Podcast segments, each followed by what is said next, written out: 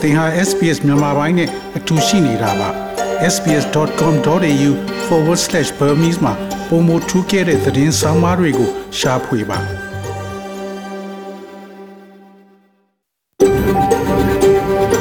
SBS, a world of difference. You're with SBS Burmese on mobile, online, and on radio. mobile online နဲ့ radio ပေါ်မှာသင်ဟာ SPS မြန်မာပိုင်းနဲ့အတူရှိနေတာဖြစ်ပါတယ် တော်ရရှိများအားလုံးမင်္ဂလာပါရှင်2021ခုနှစ်ဒီဇင်ဘာလ18ရက်စနေည SBS Radio မြန်မာပိုင်းအစီအစဉ်တွေကိုစတင်အတန်ထုတ်လွှင့်နေပြီဖြစ်ပါတယ်ကျွန်မကမူလှိုင်းသိမ့်ပါဒီညအတွက်နားဆင်ဖို့ပြင်ဆင်ချက်တွေထဲမှာဩစတြေးလျနိုင်ငံမှာမကြာခင် COVID-19 ရောဂါကိုကုသပေးတဲ့ဆေးတရားဝင်အသုံးပြုခွင့်ရမယ့်အနေအထားရှိလာနေတာနဲ့ပတ်သက်ပြီးပညာရှင်တွေဘယ်လိုပြောဆိုနေကြတယ်ဆိုတဲ့အကြောင်းဆောင်းပါးကိုတင်ဆက်ပေးမှာဖြစ်သလိုကရင်ပြည်နယ် 4K ကော့မှာစစ်ကောင်စီတပ်တွေဝင်ရောက်ခဲ့တာကြောင့်စစ်ရှောင်တွေအများအပြားထိုင်းမြန်မာနယ်စပ်ကိုခိုးလုံနေရပြီးအကူအညီတွေလိုအပ်နေတဲ့အကြောင်းတန်လွင်ခက်ကပေးပို့ထားတာကိုလည်းနားဆင်ရမယ့်အပြင်ဒီကနေ့ဟာအပြည့်ပြည့်ဆိုင်ရာရွှေ့ပြောင်းနေထိုင်သူများနေ့ဖြစ်ပါတယ်။အဲ့ဒီတော့မြန်မာတွေတန်းနဲ့ကြီးသွားရောက်နေထိုင်ပြီးအလုပ်လုပ်ကြတဲ့ထိုင်းနိုင်ငံမှာဘလို့အခြေအနေရှိတယ်လဲဆိုတာတွေကိုတင်ဆက်ပေးမှာဖြစ်ပါတယ်ရှင်။။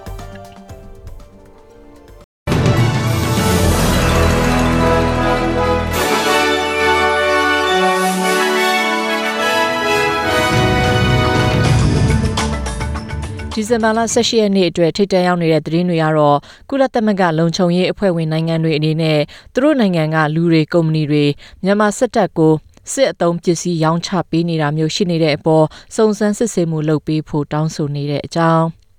New South Wales ပြည်နယ်နဲ့ Victoria ပြည်နယ်မှာ COVID-19 ရောဂါကူးစက်မှုမြင့်မားနေသေးတဲ့အကြောင်းနဲ့ရုရှားက NATO မဟာမိတ်တပ်တွေယူကရိန်းနဲ့ဥရောပအရှေ့ပိုင်းမှာလှုပ်ရှားမှုတွေရပ်တန့်ဖို့ပြောဆိုထားတဲ့အကြောင်းတွေအပြင်တခြားထူးခြားတဲ့သတင်းတွေကိုလည်းနားဆင်ရမှာဖြစ်ပါတယ်ရှင်။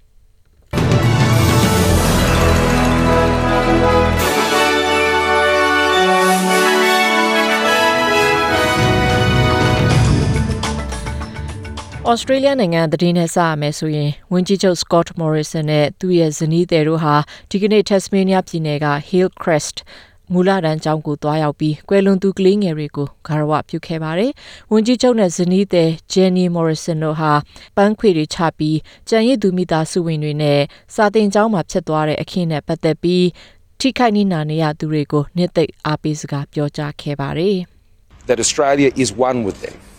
And we grieve with them and we mourn with them. And we want to do everything we possibly can to help them through this terrible, ထိခိုက်နေနာနေရတဲ့လူတွေနဲ့အတူဩစတြေးလျတနိုင်ငံလုံးကထတူခံစားနေရပါတယ်။သူတို့နဲ့အတူဝမ်းနဲ့ပူဆွေးပြီးအောက်မေ့နေကြပါတယ်။ဒီလိုမတွေးဝွန့်စရာကံကြမ္မာဆိုးနဲ့ကြုံတွေ့ရသူတွေတက်တာမှုခံစားနိုင်ဖို့အတွက်အတတ်နိုင်ဆုံးကူညီလှုပ်ဆောင်ပေးလိုကြပါတယ်။ဒါကြောင့်မိသားစုဝင်တွေနဲ့ထိခိုက်နေနာရသူလူမှုအတိုင်းဝိုင်းတစ်ခုလုံးရဲ့စိတ်ဒဏ်ရာကိုကူစားဖို့ ဒေါ်လာ၈သိန်းကိုချမှတ်ပေးမှဖြစ်ပြီးအဲ့ဒီအထက်က2သိန်းခွဲဟာပထမဆုံးမျက်မြင်ကြုံတွေ့ရသူတွေအတွက်ဖြစ်ပြီးကျန်တဲ့9သိန်းခွဲကတော့ထိခိုက်နေနာရတဲ့လူမှုအတိုင်းဝိုင်းတစ်ခုလုံးအတွက်ဖြစ်တယ်လို့ပြောဆိုခဲ့ပါတယ်။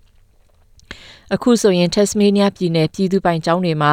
Jumping Castle အသုံးပြုခွင့်ပိတ်ပင်လိုက်ပါတယ်။ Hillcrest မူလတန်းကျောင်းကကျောင်း6တန်းကလေးတွေနွေရာသီကျောင်းမပိတ်ခင်မှာကျောင်းမှာ Jumping Castle ငားပြီးပျော်ပွဲကျင်းပရာကနေအဲ့ဒီ Jumping Castle ဟာ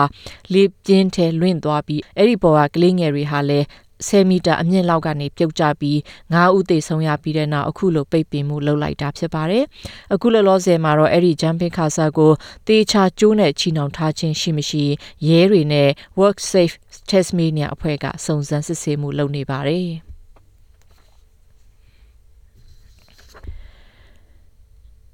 New South Wales ပြည်နယ်မှာဒီကနေ့ COVID-19 ရောဂါကူးစက်သူ2482ဦးရှိပြီးတဦးသေဆုံးခဲ့ရပါတယ်။ကူးစက်ခံရသူတွေထဲက226ဦးဟာ Omicron မျိုးကွဲကူးစက်ခံရသူတွေဖြစ်ပါတယ်။ရောဂါကနေကာကွယ်ဖို့အတွက်ဒုတိယမြောက်ကာကွယ်ဆေးထိုးထားတာ6လပြည့်ပြီဆိုတာနဲ့တတိယမြောက်အချောင်းကိုထိုးကြဖို့ ပြီးရင်အမိုးအကာအောက်မှာသွာလာရင်နှာခေါင်းစည်းတွေတပ်ဆင်ကြဖို့ပြည်내ကျန်းမာရေးဌာနကဒေါက်တာခရစ်စတင်ဆာဗီကပြောပါတယ်။ဆစ်ဒနီမြို့နဲ့နျူကာဆယ်မြို့မှာ COVID-19 ရောဂါကူးစက်မှုများပြားပေမဲ့လည်းခရစ်စမတ်မတိုင်ခင်မှာ lockdown ချတာမျိုးတွေမလုပ်ဖို့စီးပွားရေးလုပ်ငန်းရှင်တွေကအစိုးရကိုတောင်းဆိုနေကြပါတယ်။ New South Wales ပြည်နယ်မှာဖြစ်နေတဲ့ကူးစက်မှုတွေရဲ့36ရာခိုင်နှုန်းဟာ Newcastle ပါဝင်တဲ့ New England ကျန်းမာရေးခရိုင်ထဲရှိနေတာဖြစ်ပါတယ်။ Omicron ကူးစက်မှုတွေလည်းဖြစ်ပွားနေတဲ့အတွက်ပြည်내ဝန်ကြီးချုပ်က lockdown ချမှတ်တာတွေဒါမှမဟုတ်တခြားတင်းကျပ်မှုတွေချမှတ်နိုင်တယ်လို့အရေးအမွဲ့နဲ့ပြောဆိုသွားခဲ့တာရှိပါတယ်။လုပ်ငန်းရှင်တွေကတော့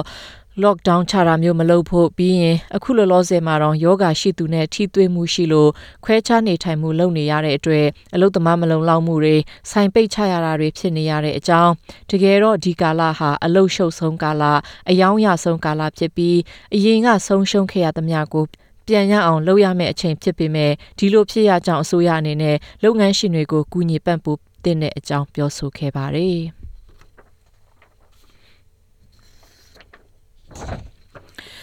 Victoria ပြည်နယ်မှာတော့ဒီကနေ့ယောဂကူးစက်သူ1504ဦးရှိပြီး Omicron မျိုးကွဲကူးစက်ခံရသူတဦးတိုးလာလို့ပြည်နယ်အတွင်းမှာလူပေါင်း19ဦး Omicron မျိုးကွဲ Coronavirus ကူးစက်ခံရပြီဖြစ်ပါတယ်။ Queensland ပြည်နယ်မှာတော့ဒီကနေ့ကူးစက်သူ32ဦးတိုးလာပြီးအဲ့ဒီအထဲမှာကျန်းမာရေးလုပ်သားတဦးလည်းပါဝင်ပါတယ်။မနေ့ကနဲ့ရှင်ရင်ဒါဟာ90ရာခိုင်နှုန်းကူးစက်သူပိုများလာတာဖြစ်ပါတယ်။ကျန်းမာရေးလုပ်သားတွေဟာကာကွယ်ဆေးထိုးပြီးသားဖြစ်ပေမဲ့ကူးစက်မှုတွေဖြစ်မှာကိုမျှော်လင့်ထားပြီးသားဖြစ်တယ်လို့ကျန်းမာရေးအရာရှိ John Jarrett ကပြောပါတယ်။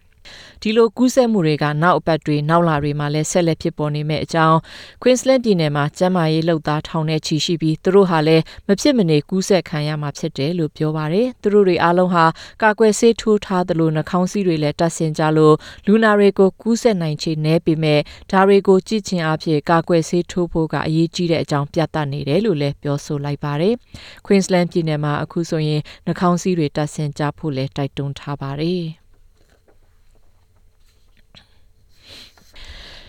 မြန်မာနိုင်ငံနဲ့ဆက်ဆက်တဲ့သတင်းတစ်ပုဒ်ကိုဆက်ရမယ်ဆိုရင်တော့ Justice for Myanmar ဆိုတဲ့ NGO အဖွဲ့တစ်ခုကကုလသမဂ္ဂလုံခြုံရေးအဖွဲ့ဝင်နိုင်ငံကလူတွေအနေနဲ့မြန်မာစစ်ကောင်စီကိုလက်နက်တွေရောင်းချတာနဲ့ပတ်သက်ပြီးစုံစမ်းစစ်ဆေးမှုလုပ်ဖို့တောင်းဆိုထားပါတယ်။လုံခြုံရေးကောင်စီအဖွဲ့ဝင်နိုင်ငံထဲပါဝင်တဲ့ပြင်သစ်၊ရုရှား၊တရုတ်၊ဟော်လန်နဲ့အီတလီနိုင်ငံအပြင်ကုမ္ပဏီတချို့နဲ့ရန်ပုံငွေအသင်းတချို့ဟာမြန်မာစစ်တပ်ရဲ့ကာကွယ်ရေးတပ်ကို ခိုင်မာတောက်တင်အောင်တစ်ဖက်တစ်လမ်းကနေအထောက်အကူပြုနေတယ်လို့ပြောပါတယ်ဗုဒ္ဓနေ့တုန်းကဗိုလ်ချုပ်မှုကြီးမင်းအောင်လှိုင်ဟာမိထီလာလေးတပ်စခန်းမှာလေးတက်ရဲ့84နှစ်ပြည့်အခမ်းအနားတက်ရောက်ပြီးလေးလာမှုလုပ်ခဲ့ပါတယ်။အဲ့ဒီအခမ်းအနားရဲ့ဗီဒီယိုအရပြင်သစ်နိုင်ငံထုတ် ရုရှားနိုင်ငံထုတ်နဲ့တရုတ်နိုင်ငံထုတ်တိုက်လေယာဉ်တွေကိုတွေ့ခဲ့ရတယ်လို့ပြောပါတယ်။ Justice for Myanmar အဖွဲ့ရဲ့အဆိုအရ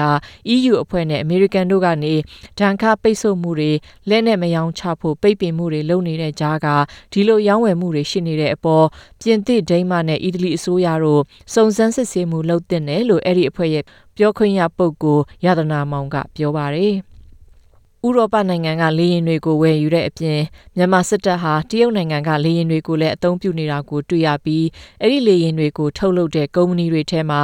ဩစတြေးလျ၊နယူးဇီလန်နဲ့နော်ဝေးနိုင်ငံကစူပါလုပ်ငန်းတွေကလည်းရင်းနှီးမြှုပ်နှံထားတယ်လို့ဆိုပါတယ်။ Burma Campaign UK ကလည်းတူရကီနိုင်ငံအနေနဲ့မြန်မာစစ်တပ်ကိုလက်နက်ရောင်းချနေတာမျိုးမလုပ်အောင်တားမြစ်ပိတ်ပင်ပေးဖို့လည်းတိုက်တွန်းထားပါတယ်။ မြန်မာနိုင်ငံမှာဆန္ဒပြပြည်သူတွေကိုပြစ်ခတ်တဲ့ကြီးစံကိုကြည့်တဲ့အခါမှာအီတလီနိုင်ငံထုတ်ကြီးစံတွေဖြစ်ပေမဲ့အဲ့ဒီကြီးစံတွေကိုတူရကီနိုင်ငံကကုမ္ပဏီတစ်ခုက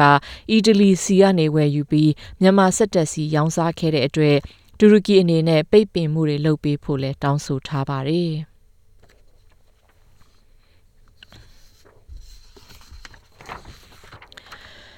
ကဘာနဲ့အသက်ဆိုင်တဲ့သတင်းမှာတော့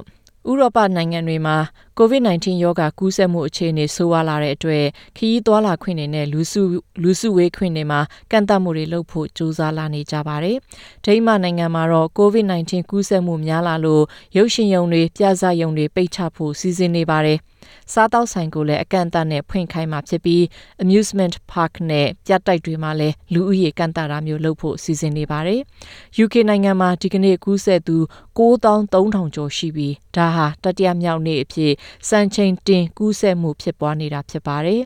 ။တစ်ဆက်တည်းမှာပဲ Empire College London ရဲ့သုတေသနအရ COVID-19 ကာကွယ်ဆေးတတိယမြောက် booster dose ကိုထိုးထားမယ်ဆိုရင် Omicron မျိုးကွဲမကူးစက်အောင်85ရာခိုင်နှုန်းအကာအကွယ်ပေးနိုင်တယ်လို့တွေ့ရှိထားပါတယ်။ booster dose ဟာ Delta မျိုးကွဲကနေ69ရာခိုင်နှုန်းအကာအကွယ်ပေးနိုင်တယ်လို့လည်းဆိုပါတယ်။ ဒါအပြင် Omicron မျိုးကွဲဟာ Delta မျိုးကွဲနဲ့ရှင်မယ်ဆိုရင်ကူးစက်ခံရဖူးသူကို ပြန်လည်ကူးစက်ဖို့ငါးဆပိုများတယ်လို့လည်းဖော်ပြထားပါတယ်။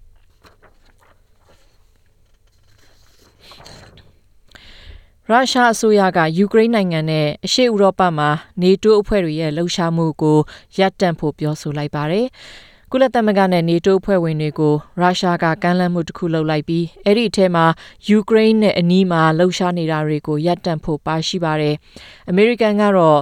ဒီကမ်းလှမ်းမှုနဲ့ ပတ်သက်ပြီး ဆွေးနွေးညှိနှိုင်းမှုလုပ်လို့ပေမဲ့ မဖြစ်နိုင်တဲ့ ကမ်းလှမ်းမှုမျိုးအပေါ် သဘောမတူနိုင်တဲ့အကြောင်း ရုရှားအနေနဲ့ ယူကရိန်းနိုင်ငံကို ဝင်ရောက်ကျူးကျော်မှုလုပ်ရင်တော့ နာကျင်မှုတွေသာ ဖြစ်မယ်လို့လည်းတတိပေးလိုက်ပါတယ်။ ရုရှားရဲ့ကမ်းလှမ်းချက်ထဲမှာနေတိုးမဟာမိတ်အဖွဲ့အနေနဲ့ ဆိုဗီယက်နိုင်ငံဟောင်းထဲပါဝင်တဲ့နိုင်ငံတွေမှာ နေရာချထားမှုမလုပ်ဖို့နဲ့ လူအသိဝင်လာတာမျိုးမလုပ်ဖို့ပါရှိပြီး ဒါဟာ ထူးခြားတဲ့တန်တမန်ရေးရာကမ်းလှမ်းချက်ဖြစ်တယ်လို့သုံးသပ်နေကြပါတယ်။ရုရှားအနေနဲ့အမေရိကန်နဲ့အရေးပေါ်လုံခြုံရေးဆွေးနွေးမှုလုပ်လို့တဲ့အကြောင်းမနေ့ဖန်လောက်တောင်တွေးဆုံနိုင်တဲ့အကြောင်းရုရှားရဲ့ဒုနိုင်ငံသားရေးဝန်ကြီးက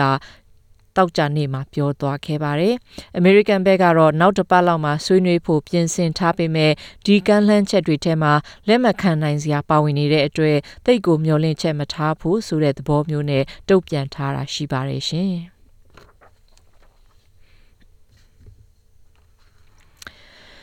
နောက်ဆုံးဩစတြေးလျသတင်းကိုပြန်ဆက်ရမယ်ဆိုရင်တော့ဩစတြေးလျနိုင်ငံကသူတေသီတွေကအစိုးရအနေနဲ့ဌာနေတိုင်းသားဘာသာစကားတွေပျောက်ကွယ်မျိုးသုံးမှုအဖြစ်များနေတဲ့အတွက်ဌာနေတိုင်းသားဘာသာစကားသင်ကြားမှုတွေမှာရင်းနှီးမြှုပ်နှံမှုလုပ်တင်တယ်လို့ပြောဆိုကြပါတယ်။သူတေသနတွေအရဩစတြေးလျနိုင်ငံမှာဌာနေတိုင်းသားဘာသာစကားအခုပေါင်း40ဆက်လက်ရှင်သန်နေဆဲဖြစ်တယ်ဆိုပေမဲ့ဒါဟာစကားပေါင်း250ကနေ အမျိုးအစားပေါင်း40တာကျန်ရည်တာဖြစ်ပါတယ်။အဲ့ဒီအထဲမှာ12မျိုးလောက်ကိုသာစာသင်ကျောင်းမှာသင်ကြားပေးနေတာဖြစ်ပါတယ်။ဘာသာစကားတွေဆိုတာဌာနေတိုင်းသားတွေရဲ့ကောင်းမွန်ကျမ်းမာစွာနေထိုင်မှုနဲ့လည်းဆက်ဆက်နေတဲ့အတွက်ထိမ့်သိမ့်မှုလုပ်တဲ့အကြောင်းတစ်ချိန်လုံးကသူတို့ဘာသာစကားကိုပြောဆိုရင်အနေခံရတာတွေ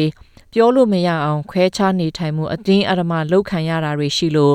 ဘာသာစကားနဲ့ပတ်သက်လာရင်ဌာနေတိုင်းသားတွေရဲ့ယင်ထဲမှာစိတ်ဒဏ်ရာတွေပြည့်နေနေတယ်လို့ Queensland တက္ကသိုလ်ကပါမောက္ခ Felicita Mirakin ကပြောပါတယ်။ကမ္ဘာပေါ်မှာဘာသာစကားအမျိုးအစားပေါင်း9000လောက်ဟာပျောက်ကွယ်လူအခြေအနေမှာရှိနေပြီးအဲ့ဒီအထက်ကအမျိုးအစား1500လောက်ဟာ ဒီထောင်စုနှစ်မတိုင်ခင်မှာပျောက်ကွယ်သွားမယ့်အနေအထားရှိတယ်လို့လည်းသူတေသနတွေမှာဖော်ပြထားပါတယ်။တနင်္ဂနွေနေ့အတွက်မိုးလေဝသသတင်းမှာတော့ Perth မြို့မှာနေသားပြီးအမြင့်ဆုံးပူချိန်26ဒီဂရီရှိချိန်မှာ Adelaide မှာမိုးရွာနိုင်ပြီး22ဒီဂရီရှိမှာဖြစ်ပါတယ်။ Melbourne မြို့မှာမိုးရွာလေးပြင်းနိုင်ပြီး25ဒီဂရီရှိချိန်မှာ Hobart မြို့မှာလည်းမိုးရွာပြီး24ဒီဂရီရှိမှာဖြစ်ပါတယ်။ ကင်မရာမြို့မှာလည်းမိုးရွာလေးပြင်းနိုင်ပြီး31ဒီဂရီရှိချိန်မှာဆစ်ဒနီမြို့မှာလည်းအလားတူဖြစ်ပြီး30ဒီဂရီရှိမှာဖြစ်ပါတယ်။ Brisbane မြို့မှာတော့အများအဖြစ်နေသားပြီး30ဒီဂရီရှိချိန်မှာဒါဝင်မြို့မှာလည်းနေသားပြီးတော့အမြင့်ဆုံးပူချိန်35ဒီဂရီရှိမှာဖြစ်ပါတယ်ရှင်။ ငွေလဲလှယ်နှုန်းမှာတော့ Australia ဒေါ်လာဟာ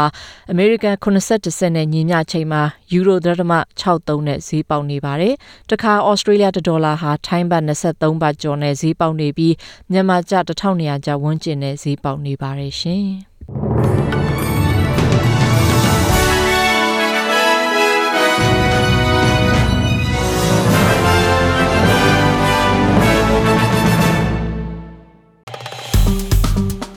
SPS မြန်မာပိုင်းကို Facebook ပေါ်မှာ like ရှာပြီး like မျှဝေမှတ်ချက်ပေးပါ